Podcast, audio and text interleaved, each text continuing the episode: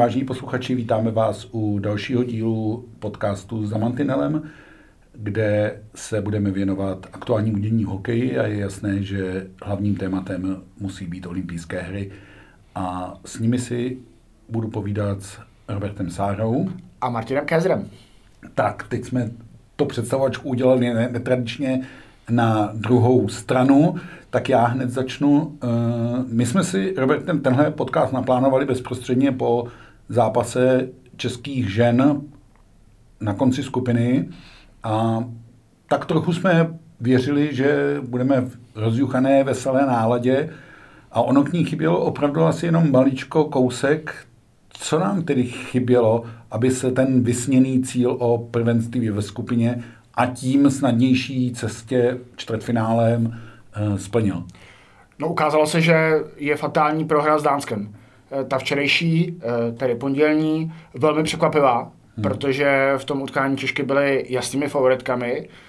Sám trenér Pacina přiznal, že to je nejslabší účastník olympijského turné, že zkrátka ten zápas se měli Češky jasně vyhrát. A pak, když se podíváme na tabulku a na to, jak to nakonec dopadlo, tak remíza ze zápasu s Japonskem by nám bývale stačila k tomu, uh, abychom skupinu B vyhráli, tudíž uh, šli do playoff ze šestého místa, uh, protože samozřejmě tam ty dvě skupiny, o, čem jsme mluvili minule, nejsou úplně rovnocené. No a především to znamená, že bychom se vyhnuli jednomu ze zámořských týmů, Kanadě nebo Americe. Takhle na nás byla Amerika a tudíž vyhlídky na semifinále či zápasy o medaile uh, jsou téměř nerealistické sci-fi. Ono se často říká, že vybrat si ve čtvrtfinále soupeře je nesmysl a tak. Bohužel u ženského hokeje to ale platí, tam je ta výkonnostní odskočení Kanady a Spojených států zřejmý, když si jenom vezmeme, že eh, Kanaděnky dávali všem těm soupeřkám ve skupině poměrně vysoký nálože, podobně Spojené státy, tak ta naděje českých žen do čtvrtfinále asi není moc veliká. Minimálně to pro ně ale bude velký zážitek. Já to nemám moc rád, když se u sportu neustále říká, jako, že si to pojďme užít a tak dále. Přece jenom hraje se to na vítězství, ale asi e, pro ty holky bude v tuhle chvíli výhodnější. Oni nebudou mít v tom zápase vůbec co ztratit.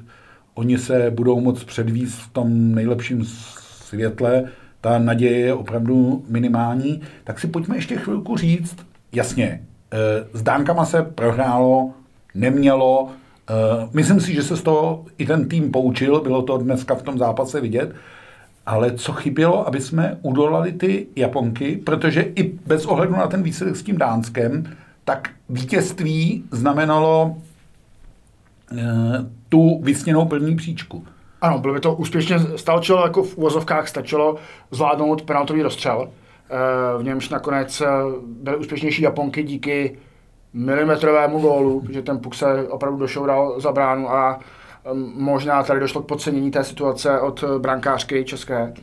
Nicméně... Ona se tam snažila sáhnout, ale ten puk opravdu asi o centimetr při jeho čáru. No. Přišlo by v těch opakovaných eh, záběrech, že už vlastně si byla jistá, že ten zákrok udělala. Že, to ne, že ten puk už neprojede dál. Ano, oděla, ale vlastně bruslí do něj bouchla a ten hmm. puk tam zajel, než se stačil otočit. Tak a už, při... už tam byl. A možná stačilo přikrýt lapačkou, protože v tu chvíli by asi velmi těžko rozhodčí mohli ten gol uznávat, protože... By ho neviděli prostě by ten. By ho zkrátka neviděli. Ano, ano, ale... A, ale nicméně je opravdu velmi krátce po tom zápase, co se dohrálo. Je to zhruba hodina a čtvrt, takže my máme jenom kuse ohlasy z toho, z toho dějiště.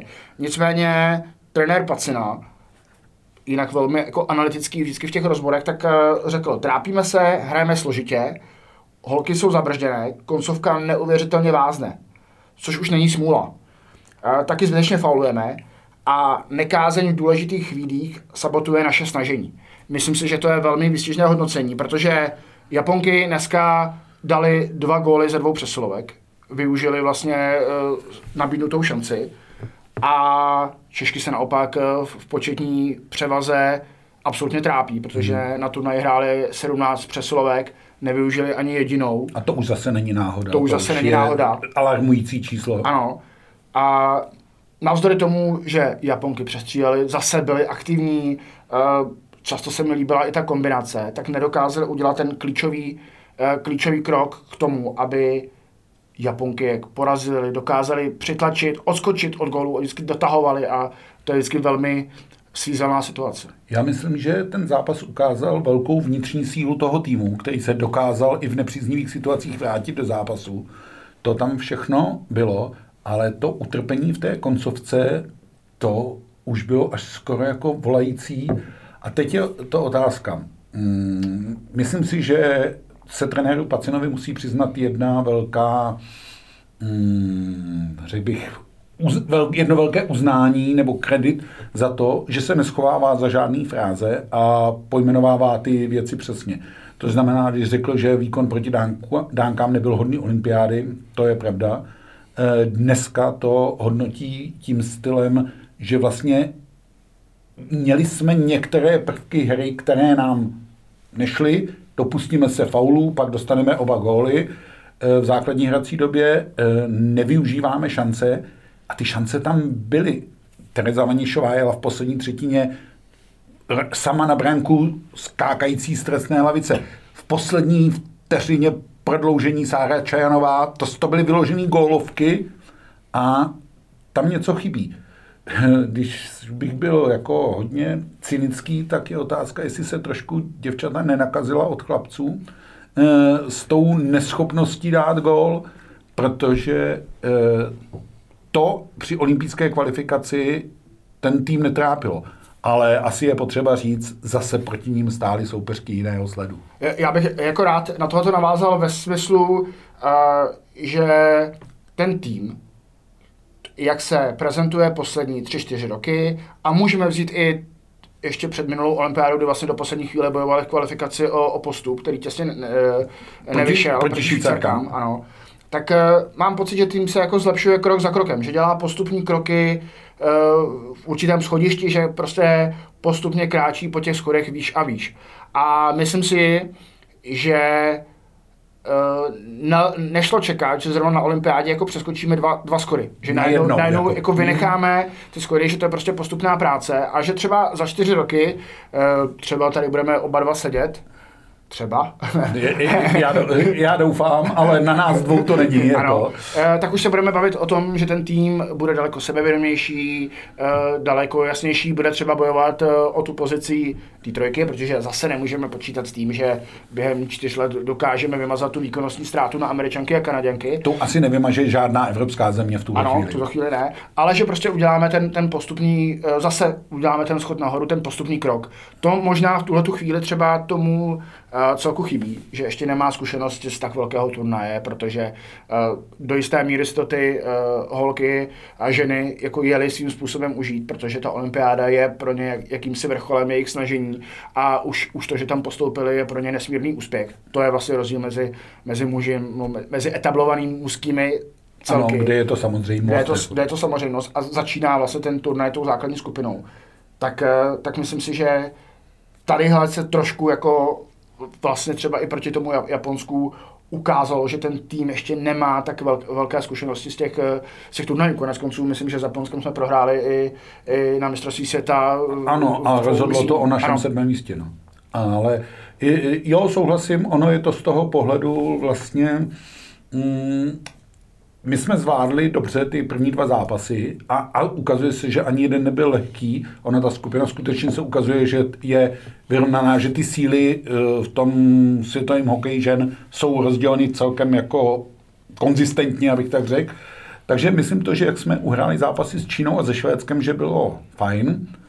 Eh, pak se to zadrhlo možná i takovým tím nějakým dojmem, ono to půjde samo, a najednou to samo nešlo a nabídli jsme těm dánkám to vítězství vlastníma chybama, to je třeba si říct, protože ten zápas jsme měli mít pod kontrolou a s Japonskem mi to přišlo, že ten zápas byl poměrně vyrovnaný, že ty Japonky dokázaly, že nějakou hokejovou kvalitu mají, České hráčky ji předvedly taky a oba to dobře víme, že nájezdy, kdyby se jeli za 10 minut znova, tak můžou dopadnout úplně jinak. Skutečně rozhodlo tam jeden centimetr, eh, rozhodlo tam to, že jsme nebyli schopni dát gól. Přitom jsme v tom zápase vlastně ty góly dva nechci říct šťastné, ale vybojované, dali, dali. Jednou se to po akci Denisy Křížové překulil ten puk přes beton a lapačku golmanky a při té druhé Natálie Mínková volila střelu vrchem, když viděla, že japonská golmanka jde dolů a přes jemnou teč japonských zad mm, ten puk taky do branky spadl, takže ono opravdu to asi bylo vyrovnané. Bohužel situace je taková, že ten zápas rozhodoval strašně moc o tom, na koho půjdem. Otázka je, že upřímně Japonkám do čtvrtfinále moc nevěřím. A v tuhle chvíli, když to točíme, se rozhoduje o tom, jestli budou hrát s Ruskem nebo s ruským výběrem, ať držíme pravidla MOV, nebo s Finskem, ale ani proti jednomu týmu jim velkou šanci nedává. Je fakt, ale že to nastupuješ do zápasu, že by to šlo. Do zápasu s Amerikou budeme muset nastupovat s tím, že uvidíme, jak dlouho vydržíme. Ono to asi není moc sportovní a já si myslím, že i e, ten Pacina zvolí e, ten slovník, ne, jdeme to, jdeme zabojovat, to nelze jít jako, že to jdeme zkusit, ale tady netočíme žádné oficiální prohlášení, ale vlastně naše dojmy, takže myslím, že to můžeme otevřeně říct, že by se skutečně musel stát zázrak na ledě. Ano, tak e, zase potvrdili jsme, nebo ženy potvrdili, že patří na určitou příčku, to znamená, to šesté, sedmé místo je vlastně reálným odrazem jejich kvalit, takže hmm. nečekejme eh, jako nějaký skok nahoru a podobně. Myslím si, že podobně třeba o tom mluvili čeští karleři, mm-hmm. kteří taky před, před začátkem toho turné říkali, patříme prostě na pátou až sedmou pozici, tak mm. tam bys, bychom měli jako při těch našich kvalitách být. A, a ono se to ukázalo, že tam jako skutečně jsou a mohou to brát jako úspěch. A... Byť hráli dva zápasy jako vlastně velmi těsně se Švédskem a s Kanadou a mohli eh, taky sáhnout potom, eh, potom semifinále a tak dále. Jako. Jo, to je ten kousíček. Co mě trochu zarazilo při tom penaltovém rozstřelu, tak eh, v těch předchozích zápasech jsem viděl určitou individuální kvalitu těch hráček. Myslím si, že několik, eh, zvlášť v tom prvním zápase, eh, gólů padlo po, po individuálních ak- akcích, jako v podstatě ze samostatných nájezdů.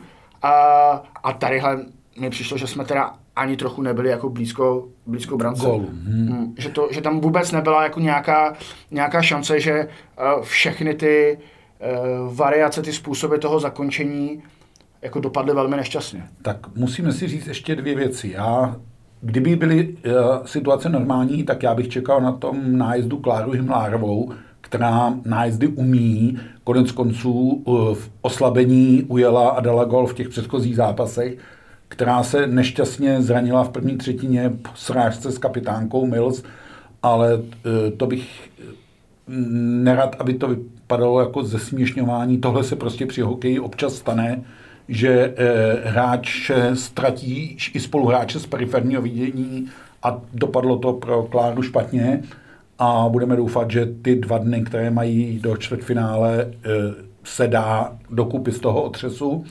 A druhá věc, měl jsem pocit, že Tereza Vanišová si po tom promarněném breaku ve třetí třetině na ten nájezd nevěřila a proto ji tam ani trenér jako neposlal. A největší naděje asi měla mít Denisa Křížová a Alena Mills a ani jedné se to zakončení nepovedlo. Ono, kdo hrál hokej, tak ví, že nájezdy jsou opravdu skutečně trochu loterie a že asi spravedlivější by bylo hrát do gólu. Otázka je, jestli bychom vůbec tenhle podcast už v tuhle chvíli točili, jestli by se nehrálo ještě do teďka, eh, prostě ty pravidla tak jsou a když si vzpomeneš, kolikrát českému hokeji nájezdy pomohly, mm, konec konců neustále vzývané Nagano eh, začalo eh, v ten klíčový moment s Kanadou ve, přes nájezdy, že jo, a tak dále, a tak dále. Takže ke spoustě titulů mistrů světa jsme došli po nájezdech. Takže prostě těm holkám ty nájezdy nevyšly a budou stát před úkolem zkusit proti té Americe vydat ze sebe všechno to nejlepší.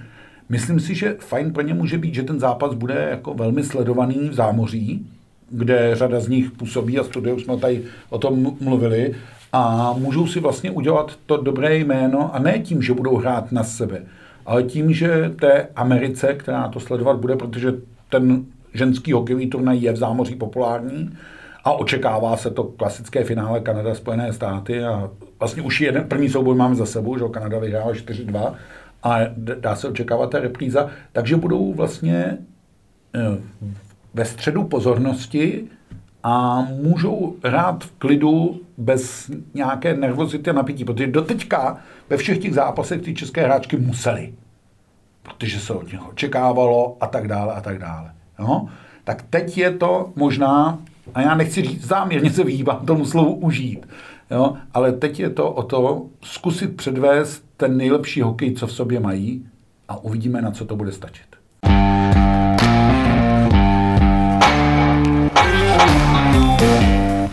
Martina, ty jsi tady v minulém podcastu přiznal, že eh, ženský hokej sleduješ nebo o něm píšeš od roku 1991, takže jsi takový velmi pamětník. A zajímá mě tvůj názor, byla to i situace, po které padl druhý uh, gól Japonek, uh, kdy Češky šly do oslabení 3 proti 5. Hmm.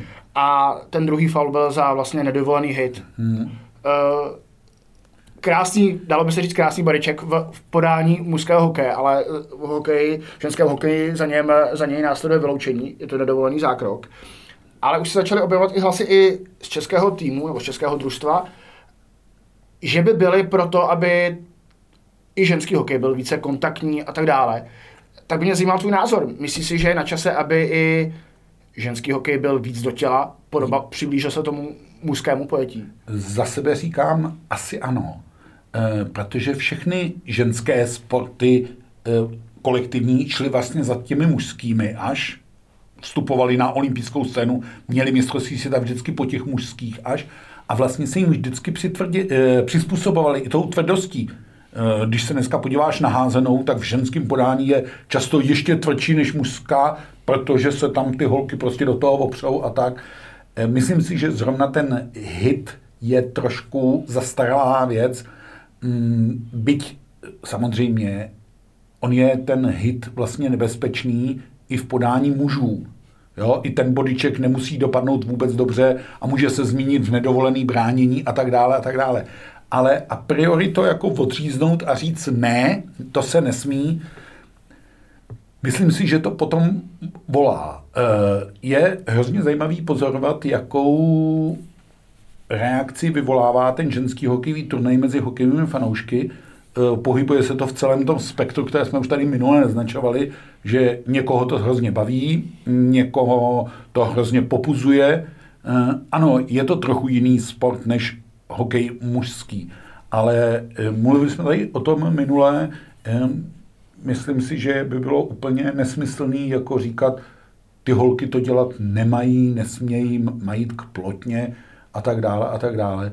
Protože velký kus té hokejovosti, nějakého hokejového myšlení, eh, nějakého pojetí jako týmové hry, to je tam hrozně hezky vidět a bylo to vidět teda na obou stranách. I na, to, na té japonské, eh, když si vzpomeneš na japonské hokejisty, muži, kteří svýho času direktivně rozhodnutím IHF hráli na mistrovství světa skupiny A. Co by nejlepší asijský tým? Přesně tak, jako dosazení. A to na mě ty japonské hráčky působily daleko ukázněněji, disciplinovaněji, eh, hokejověji, tak nějak jako u těch mužů jsem občas měl pocit, že nevědí co dělají. A u těch japonských hráček, u té Tokové, která nám dala oba ty góly svých přesilek, to jsou prostě hráčky, který by obstály na jakýkoliv scéně. Jako jo. Takže e, jsem dalek jakýchkoliv odsudků, ale abych se vrátil k té otázce, myslím si, že by e, se ty pravidla trošku jako otevřít tomu měli, ale ono je, mm, není to jenom o pravidlech, ono to je o rozhodčích. Že? E, vždycky pravidla můžeš nastavit jakákoliv a pak záleží na tom, co pustí rozhodčí za výklad. A tam zrovna se mi olympijský turnaj zdá, že každý, každá ta rozhodčí, protože to si řekněme, že to pískají ženy, ženské zápasy, což je trend nyní už ve všech sportech, fotbalem, počínaje házenou, basketbalem, ženské zápasy řídí ženy a nic proti tomu asi jako nelze vyslovovat ale mm, že ten trend mají různý. A právě v těchto těch věcech, co už je ta nedovole, to nedovolené brání, kde je ta hranice jako striktní, tak to je trošku složitější. No. přiznám se, že eh, co se týče některých verdiktů sudích, Uh, mám s nimi trošku problém, uh, zvlášť třeba ten zápas proti Dánsku, tak hmm. tam si myslím, že... Uh, Nás ty Dánky to... osekávali víc, než byli ne... na trestní lavici, no. Jako líbí se mi, že trenér Pacina se na to, vůbec nestěžoval, že nikdo jakoby v tomhle tom nehledal žádný problém a myslím si, že i dneska jako Japonky tam měly několik zákroků, za, za které by si zasloužili být vyloučeny. Nicméně líbí se mi i, i vlastně ten názor, co si, co si řekl, trošku, že se nám rozšiřuje ta hokejová mapa díky, díky ženám a díky tomu, že třeba i Číňanky vlastně velmi, ano, měli tam samozřejmě spoustu naturalizovaných uh, severoameričanek, ale zkrátka ta mapa hokejová se rozšiřuje, což je jenom, jenom dobře. Uh, Zůstaneme ještě u ženského turnaje, tak samozřejmě zaujala situace v zápase Kanada versus Eh, výběr ruských sportovkyň, abych byl eh, oficiální, eh, který se nejdříve zdržel kvůli tomu, že Rusky nedodali všechny potřebné covidové doklady o tom, že jsou zkrátka doklady o bezinfekčnosti. Zřejmě to nebyla jejich chyba, ale byla to chyba pořadatelů, hmm. co se tak... Ale zase ten covid v tom ruském týmu řádí, ano. takže ta obava těch Kanaděnek byla pochopitelná. Leč dospělo se k řešení, a to ti předbíhám, velmi nestandardnímu a tam si myslím asi, že se vzájemně na názor ptát nemusíme, tam si můžeme rovnou říct, že to byla blbost. A, ano, já jsem si vzpomněl na uh, jaro 2020, kdy do Česka dorazil covid Uh, tehdy jsme o něm netušili vůbec nic. nic. Uh, ne, že bychom teďka my, zkušení dva virologové, kteří se tomu tedy věděli, podcast co podcast se věděli víc, ale pamatuju si na to, jak, je, jak když jsem šel běhat uh, do lesa, tak vlastně člověk musel mít roušku, ještě takovou tu plátinou, co jsme si šili doma sami, já jsem teda nešil, ale byla mi ušitá a e, bylo to dost jako nechutný, nepříjemný. E, vždycky poté jsme to jako sundávali, než, než nám někdo konečně vysvětlil, že e, mít to při sportu je prostě nebetičná hloupost a mít to při hokeji ještě nebetičnější, e, ta hloupost. Nicméně asi Kanaděnkám se nelze divit, že na tom trvali, protože e, ano, oni, oni si přijali pro zlato.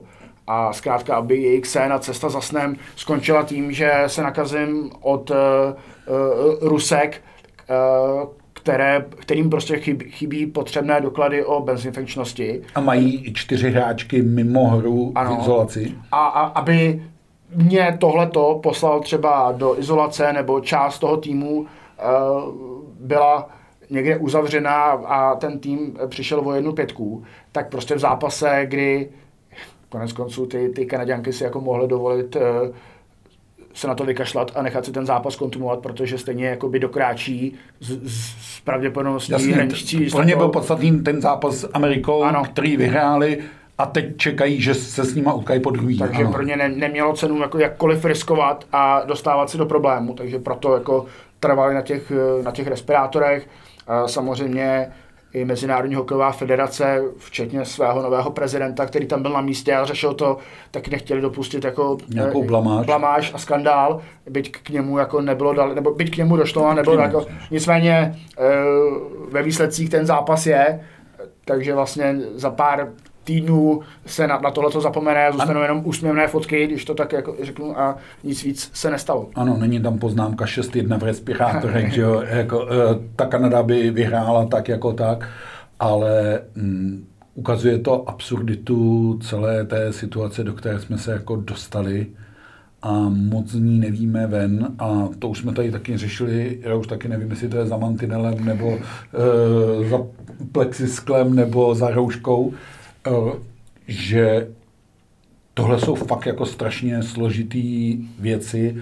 Eh, už jsme tady taky o tom mluvili, že ten hokej evidentně je ten, to prostředí, který tomu eh, viru svědčí, protože se tam sráží to lidský teplo, ten mráz od toho ledu, spotíš se a tak dále. Mm, I když ten ženský hokej je zdánlivě bezkontaktní, no tak ta blízkost je tam zřejmá a tak dále a tak dále.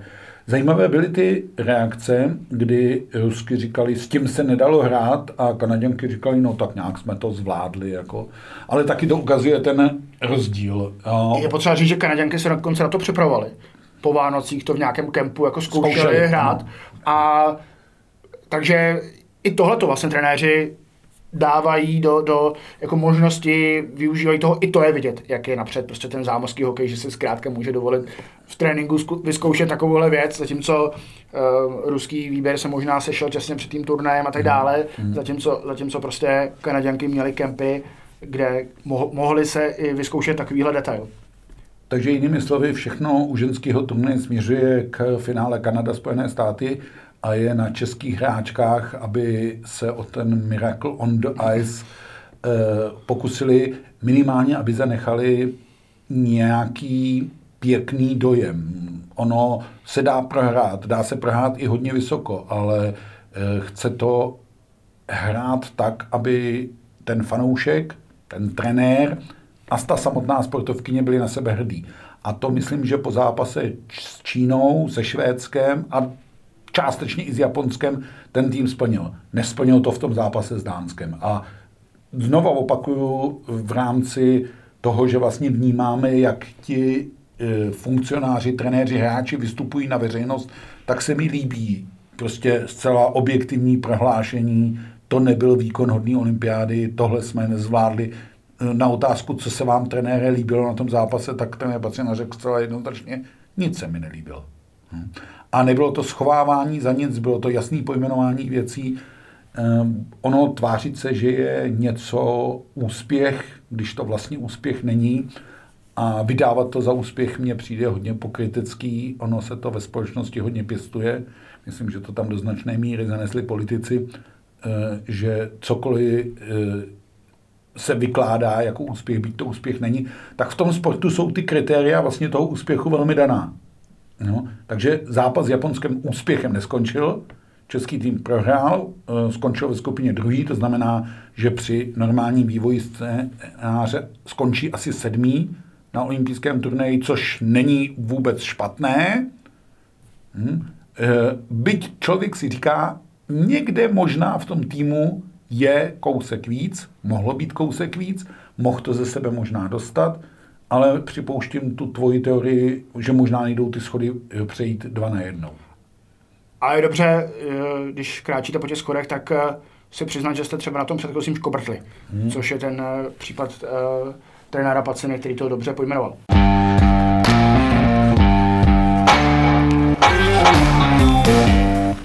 Dovolil bych si teďka udělat takový covidový můstek uh, a přesunout se k mužské části, Protože uh, tam už je, řekl bych, těhotný uh, startem, protože ve středu ve 14 10, říkám to dobře?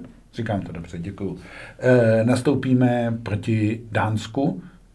jak, jak podobné. Jak že... podobné. A, a my jsme tady minule se loučili s tím, že jsme byli velmi pozitivní, tím, že zůstáváme negativní, co se týče testů. Trošku se nám to za těch eh, pár dní vyvrnulo, že se nám objevily jakési pozitivní náznaky, které ale naštěstí eh, zůstaly jako zažehnány, nebo byly to takové hraniční testy. Eh, Takže mám na mysli, mít negativní pocity. Ano, ano, mám na mysli tým Davida Krejčího, který dva dny zůstal v izolaci, největší českou hvězdu. A myslím si, že můžeme být jako dobře naladěni pořád, protože navzdory tomu, že Šimon Hrubec jednička, brankářská jednička odcestoval až, nebo přicestoval až v sobotu do, do Pekingu, tak eh,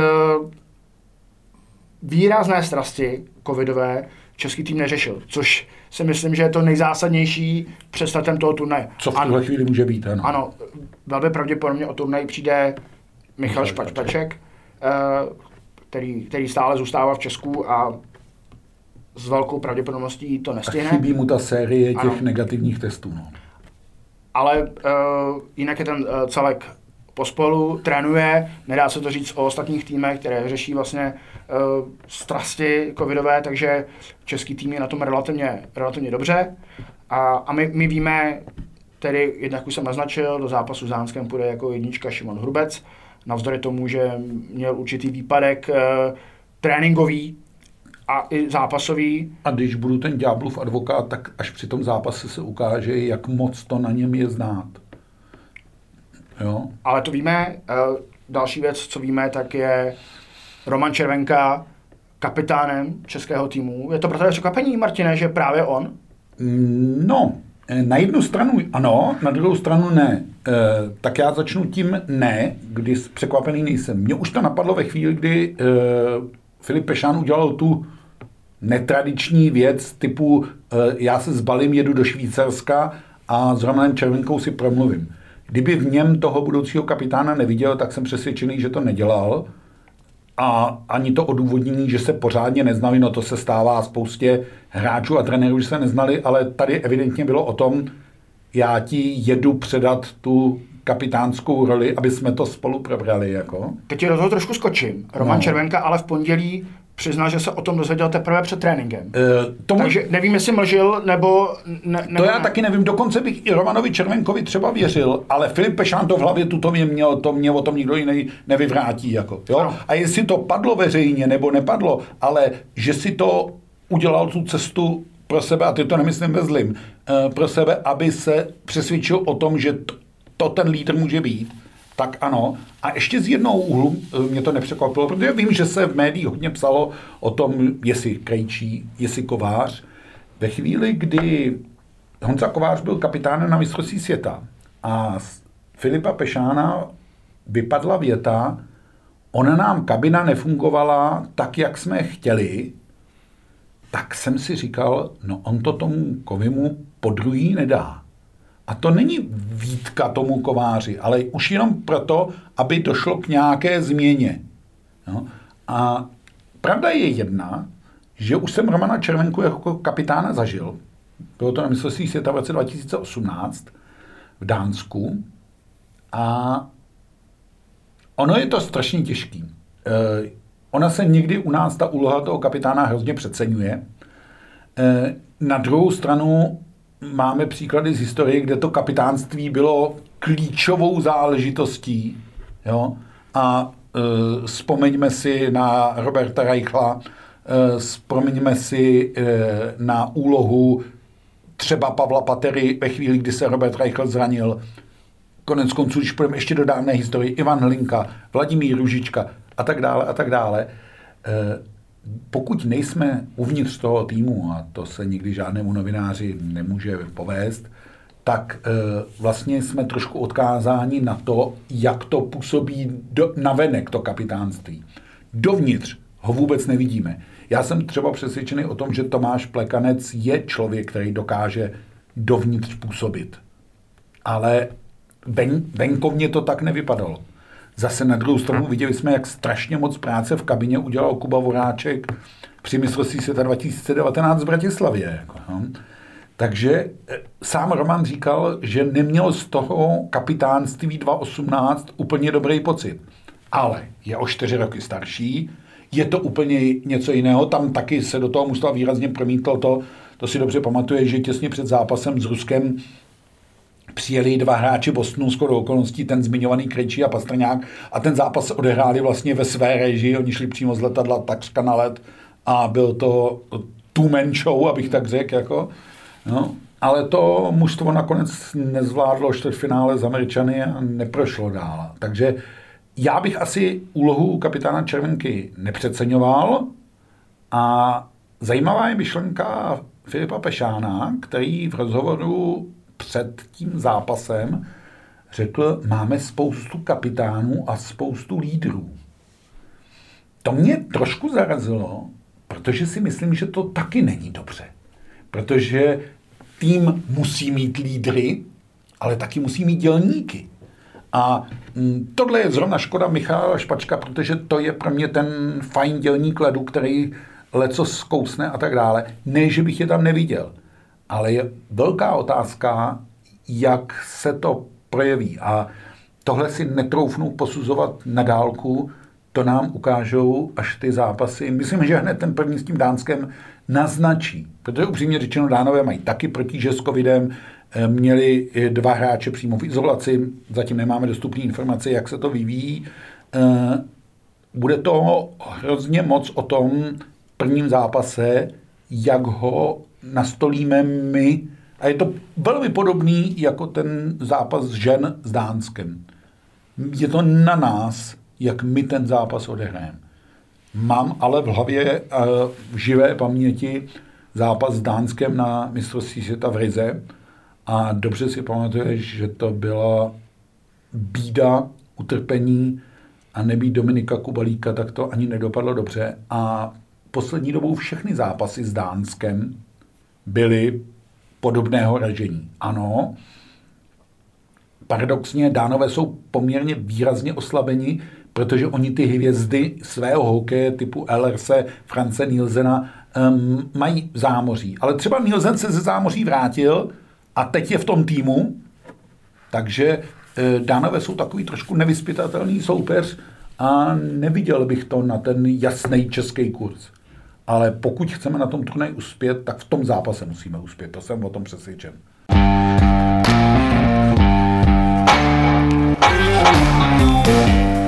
Souhlasím s tebou, já jsem si tady udělal během tvé krásné řeči pár, pár poznámek v hlavě. Eh, jednak je věc, překvapila mě, že Jan Kovář není ani asistentem.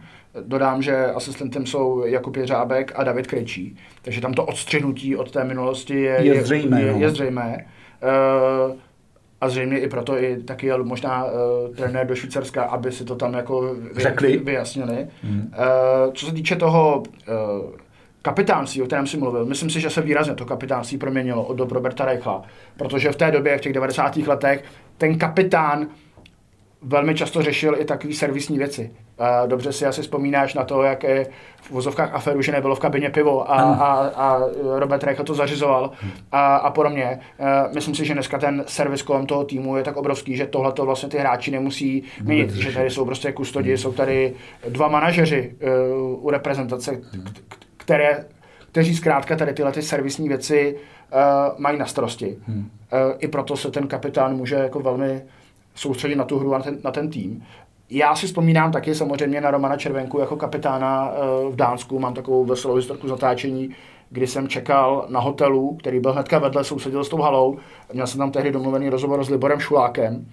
A Roman, Červenka, Roman Červenka tam přicházel, teď mě tam viděl, jak tam sedím v lobby, tak se šel za mnou zeptat, na koho tady čekám, s kým budu dělat rozhovor. Když jsem mu řekl, že se Šulákem, který už ale měl tady před 15 minutami být, tak on velmi obětavě začal schánět Šuláka, volat mu na pokoj, kde bydlí. Aby to pak, jako kapitán pak, zařídil. Aby to jako kapitán zařídil, takže se proměnil v českého mluvčí. a, a skutečně toho Libora Šuláka jako dovedl, takže to byl jako takový detail, kdy jsem jako viděl, že, že jako bere tu roli jako zodpovědně, byť jsem samozřejmě neměl mohl vykašlat a tohle vůbec mu e, ne, ne, nepříslušilo. A co se týče těch eh, lídrů a dělníků, e, Máš pravdu, taky mě to překvapilo, tady tohoto vyjádření. Na druhou stranu, když se podíváme na ty jednotlivé liney, jak jsou složeny, nebo jak zatím pracovali na tréninku, a, a to je první lina Stránský Kovář Červenka, druhá lina Sedlák Krejčík Hika, uh, třetí Lenz Sobotka Řepík a čtvrtá bratři Zohornové s, s Frolíkem, tak vždycky jako v té léně najdeme uh, jednoho toho lídra až dva a, je, ano, a toho tam jsou ty, a tam jsou, na tom papíře jsou ty role vidět, jo? ale je otázka, role na papíře a role na ledě. Tam to bude klíčový. Ale se čím jako na tom papíře ty liny vypadají jako velmi, velmi, velmi dobře. I, i, i přeslovka e, zdá se jako e, se čtyřmi útočníky. E, tam vlastně Stránský kovář Červenka, tu první lineu tam doplňuje David Krejčí, pokud se nemýlím, a obráncem je Jakub Jeřábek, velmi zkušený. Schopný zkušený, vystřelit přesně tak. od čáky. Takže zkrátka na tom papíře to vypadá velmi dobře. Myslím si, že i trenér změnil retoriku, eh, není tak nebo nepůsobí podráženě, co jsme možná v posledních jako týdnech a měsících uh, roli zažili. Mluví velmi jako obezřetně, uh, hezky, bych jako řekl, zkrátka cítím určitou soudržnost z toho týmu a i vlastně jako hráči mluví o tom, že se velmi jako soustředí na ten, na ten výkon. David Krejčí, myslím, zmiňoval, že když byl na své první olympiádě, tak jako byl nadšený z toho všeho okolo toho mumraje. Samozřejmě i covidové jako protokoly nedovolují úplně někde trajdat jako po olympijské vesnici, ale tak. Ale říkal, že vlastně jsem přijal vysloveně jako udělat ten úspěch a soustředit se. Takže, takže zkrátka uvidíme. Uvidíme proti Dánsku, jak se to projeví, ale buďme pozitivní. Eh, z tohohle úhlu určitě ty předpoklady tam udělané jsou. Já si pamatuju, jak Luděk Bukač když si říkal, jak byste to sestavili vy, páni od Péra, tu sestavu. A uh, asi bychom ji nesestavili o moc jinak. Uh, vnímáme to taky, že ty vazby jsou, je jasný, že Sedlák s Hikou mají hrát spolu, když jim to funguje spolu v Čelebinsku. Bratři Zohornové jsou dobří hokejisté sami o sobě, ale jako dvojice jsou silnější. Oni sami to tak říkají. Uh, Ale Michal... jsou schopni přijmout jakoukoliv roli. Myslím si, že tady ta, ta role ve, ve čtvrté lajně, vzpomeňme si právě na Bratislavu 2019, kde postupně potom putovali tou, uh, tou sestavou nahoru, byli, jako, nahoru dolů, a nebo vynechali zápas, jako byli, byli vlastně schopni jako přijmout jakoukoliv roli. Ano. Tak i tohle je jako velmi důležitý pro ten tým. Jo, to je taky zajímavá myšlenka, kterou vlastně se shodli Filip Pešán s Petrem Nedvědem, že možná víc než o kumšt, hokejově jim šlo o charakter. Tak ty předpoklady tam jsou. Teď je otázka, jak se prodají na ledě. A to budeme moudřejší za pár dnů. Já ještě jednu věc bych možná, já když jsem si četl diskuze eh, na internetu, já vím, že to novináři nemají dělat, ale to nebylo pod mým článkem, tak co bych si nepřečet, co píšou na Honzu, který píše z Pekingu, ale... Zdravíme Honzu Škvora. Ano, ale tam byl zajímavý jak vlastně lidi celkem podráždění reagují na Romana Červenku. A já bych ho vzal trošku v ochranu. Jako. Já, e, moje zkušenost a vlastně moje novinářská kariéra zahrnuje celou hokejovou kariéru Romana Červenky od talentovaného mladého juniora, kterého Vladimír Ružička vytáhl e, do Slávie a tak dále, včetně e, působení v KHL, včetně, dá se říct, trochu zoufalého pokusu o úspěch v NHL a tak dále, až po, myslím, že se ve Švýcarsku docela ten Roman našel i z hlediska rodinného usazení a tak dále a tak dále. Ale Roman je hrozně hodný kluk a e, myslím si, že hokejově se vždycky snaží odvést pro ten tým maximum. A nejsvětlejší chvilku Romana Červenky si myslím, budeme pamatovat všichni, a je spojená s mistrovstvím světa. Už je to dávno, 11 let zpátky v Bratislavě, kde ho uh, trenér Hradamčík v semifinále posadil, protože se mu nelíbil ten výkon a můžeme o tom diskutovat, ale já bych celkem tam jako souhlasil s tím Lojzovým krokem. Uh, podstatný je, že tím toho červenku bezprecedentně naštval. A ten Roman to odved nejlíp, jak to hokejista může odvíst. On v tom zápase o třetí místo, kde ho ten Hadamčík vrátil do sestavy a to zase klobou dolů, to málo který trenér udělá. A ten Červenka tam dal těm Rusům hetrik, hrál jak Spartesu a tak dále a tak dále. Takže jestli bude mít Roman Červenka jako chuť a motivaci to jako prodat, tak já si skutečně myslím, že jedním z těch lídrů může být. Ale strašně záleží na tom, aby ten tým zůstal soudržný, aby ten tým byl aby do toho nezazněly nějaké falešné tóny, abych tak řekl. No. Eh, co se týče Romana Červenky, tak my dva jsme možná trošku otržní od, té, od toho fanouškovského pohledu, protože samozřejmě uh, mistrovství světa trávíme přímo na místě s tím týmem, víme, jak uh, Roman komunikuje a, a nejsme jako ti, kteří sedí u obrazovky a mají jako Romana Červenku jako nějaký si magnet uh, nebo hromosvod na, na Co na všechno kdo zkazil. Ano, na jejich splín. Eh, je potřeba přiznat, že Roman Červenka jako zažil pár zápasů, kdy opravdu jako spálil velké šance, to, to bez diskuze. Ale napadá mě příměr, myslím si, že Pavel Kuka svého času byl podobným hrobosvorem eh, ve fotbale. Eh, podobně třeba Jiří Vykoukal v, v období okolo Zlaté Vídně, mm. taky nebyl úplně tím nejmilovanějším jako českým hráčem, byť určitým způsobem do té zlaté generace patřil. Takže vždycky jako je, tam, je tam nějaká oběť. Ale uh, souhlasím s tebou, že uh, Roman Červenka je nejen jako skvělý, skvělý hokejista, ale kdo ho poznám, tak je to jako i, i skvělý jako člověk. Uh, byť s ním nejsme jako žádní intenzivní přátelé, ale to, jak se chová k nám a my, jak se můžeme chovat k němu a uh, jeho ochota pozápasová, tak, uh, tak je prostě je fajn. Možná může na lidi působit trošku jako leklá ryba, při, při těch rozhovorech to uh, úplně nejuchá. Ty si připomenul jeho nejslavnější moment z roku 2011, nebo takový jako, kdy se zapsal, já bych možná přidal moment v roce 2010, kdy myslím na Staromáku řekl, nemáš mhm. otvírák a no, no, no. po zlatu, tak možná ještě jako jeho uh, světlejší moment a známější. Uh, nicméně uh, tady asi ne, nemá jako cenu být diskuze, prostě uh, jasně, uh, pro fanoušky je to asi takový jako červený hadr. Uh, on nicméně prostě jako profesně, kariérně i, i to, jak, jak působí, tak je to hráč, který si to C uh, zaslouží.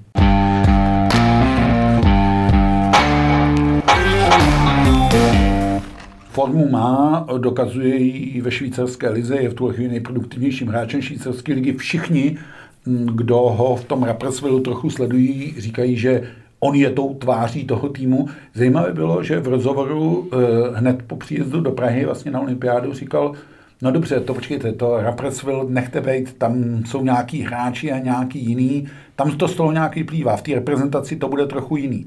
A tohle je přesně to, o čem tady dneska teď mluvíme, vlastně předzvěstí zápasu s středičním s Dánskem, bude hrozně důležitý, jak ten tým, který bohužel, to si řekněme, vlastně nesehrál vůbec nic, nakonec ani to modelové utkání se Švédy, právě vinou toho, že e, švédské covidové starosti byly ještě větší než naše. Takže my uvidíme, jak ten tým, který na papíře vypadá dobře, zatím na nás působí soudržně, jak bude fungovat. A to je vlastně jasné téma našeho příštího podcastu. My dáme mm, Pešánovu výběru dva zápasy, abych tak řekl, a pak se tady u těch mikrofonů zase sejdeme a nějakým způsobem to probereme. A e, budou to dva zápasy, které odhalí tu připravenost a myslím si, že nám odhalí trošku i ten hokejový turnaj mužů, kde naopak od těch žen, kde jsme ty predikce dělali velmi jasný a myslím si, že se nepleteme, v případě českého čtvrtfinále říkám bohužel, si myslím, že se nepleteme, tak u mužského si netroufnu udělat téměř žádnou eh, s výjimkou toho, že se fakt může stát úplně všechno. A že i ty týmy, které zdánlivě působí silně, příklad Finové, ale v tuhle chvíli mají svého klíčového útočníka Antilu v izolaci, golmana Olkinu z Magnitogorsku v izolaci. To nejsou dobré zprávy pro ten tým a bude to mít trenér Jalonen velmi těžký, jak to dá dohromady. A ještě jedna reminiscence, výkon Němců v Pyeongchangu ukázal, že i ten tým z toho druhého sledu má jako šanci uspět a může to dokázat. A možná je to výzva právě pro český tým, který v tuhle chvíli není v tom ohnisku těch favoritů. Připomeňme ta slova Filipa Pešána, doufáme, že budeme černým koněm. No tak černý kůň je na startu, nebo respektive kůň je na startu a ukáže se, jakou bude mít barvu teprve. Eh, držte palce českým hokejistům, my to budeme dělat taky. Ono e, spojit pozici novináře a fanouška dost dobře nejde. E, těžko se to některým lidem, kteří se pohybují kolem českého hokeje, vysvětluje, že my nejsme v roli fanoušků, e, my jsme v roli těch, kteří sledují, co se děje, snaží se to zanalizovat, snaží se dát prostor těm lidem, kteří o tom rozhodovali a tak dále a tak dále. Nemáme žádný plán, už jsme tady o tom mluvili minule, ani pozitivní, ani negativní. My si počkáme, jak to dopadne. Samozřejmě, že nám to dneska bylo líto eh, po těch nájezdech, to, to české vlastenectví, abych tak řekl, nebo ten patriotismus tam je, to jsme nekřičeli, sláva Japonky vyhráli, ale e, budeme to pozorně sledovat a myslím si, že hned ty první dva zápasy ve středu a v pátek naznačí, Eh, kam se ten český tým může ubírat a kam se vůbec ten olympijský hokejový turnaj může ubírat. Do té doby nás čeká spousta hezkých hokejů, spousta olympijských zážitků. Já myslím, že asi musíme eh, říct i to, že se já teda osobně skláním před Ester Ledeckou, jakým způsobem se vypořádala z rolí jasné favoritky snowboardového závodu, protože od ní se nic jiného než vítězství nečekalo a ona ho bezpečným, přesvědčivým způsobem dosáhla. A musím říct, že jezdit na snowboardu a stát proti mě ledecká, tak jsem z toho dost otrávený. Já myslím, že to bylo vidět i u těch soupeřek. Že, že jo, že to tak eh, všechny jako chtěli moc, až to jako nešlo. Eh, je to skutečně frustrující a je docela dobře, že tu STR máme na české straně a na české vlajce. Která konec konců má i hokejové geny. Ano, eh, možná to stojí za to připomenout. Ona to velmi často říká, že jejím dědou je Jan Klapáč, člen zlatého týmu z mistrovství světa Matace 72 a jedna z legend hlavského hokeje. Čekal jsem, jestli řekneš eh, to město. A abych ti udělal radost, co by Hrdákovi.